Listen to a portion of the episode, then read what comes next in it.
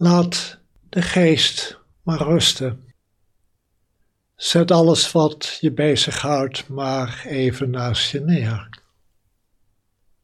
Als je wil, kan je het straks weer oppakken. En er is altijd wel iets wat ons bezighoudt. Zo is ons leven nu eenmaal. En velen van ons hebben drukke levens. En er is veel gaande in de wereld. Genoeg om over te denken, om over na te denken. Maar in het zitten laten we de geest terugkeren naar wat we de oorspronkelijke staat kunnen noemen. De geest die leeg is, stil en kalm, vredig.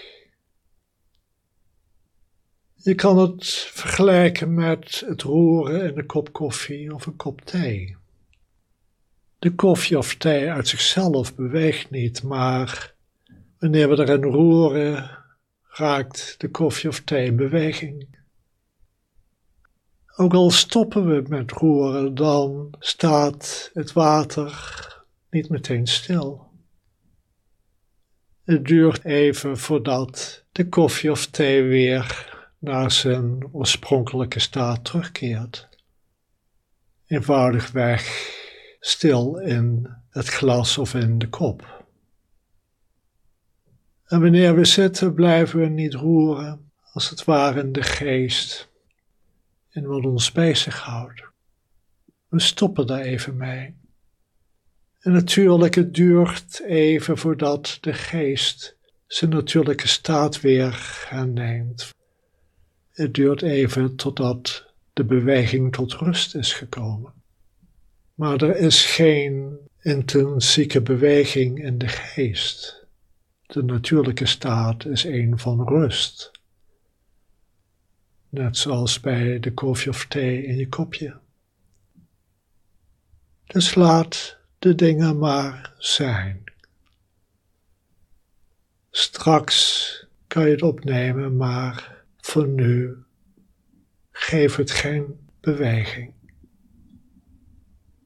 En mocht je dit moeilijk vinden, mocht je jezelf steeds weer roerende aantreffen, leg dan de aandacht maar bij de buik en voel hoe de buik subtiel wat uitzet en inkrimpt en de ademhaling volgt. En vooral verzacht en ontspan. Uiteindelijk is dit zitten een fijn iets. We zijn al zoveel bezig. Dus geef jezelf de ruimte en de tijd om eens gewoon te zitten en te zijn met jezelf, met de ruimte om je heen, met dit moment zoals het is.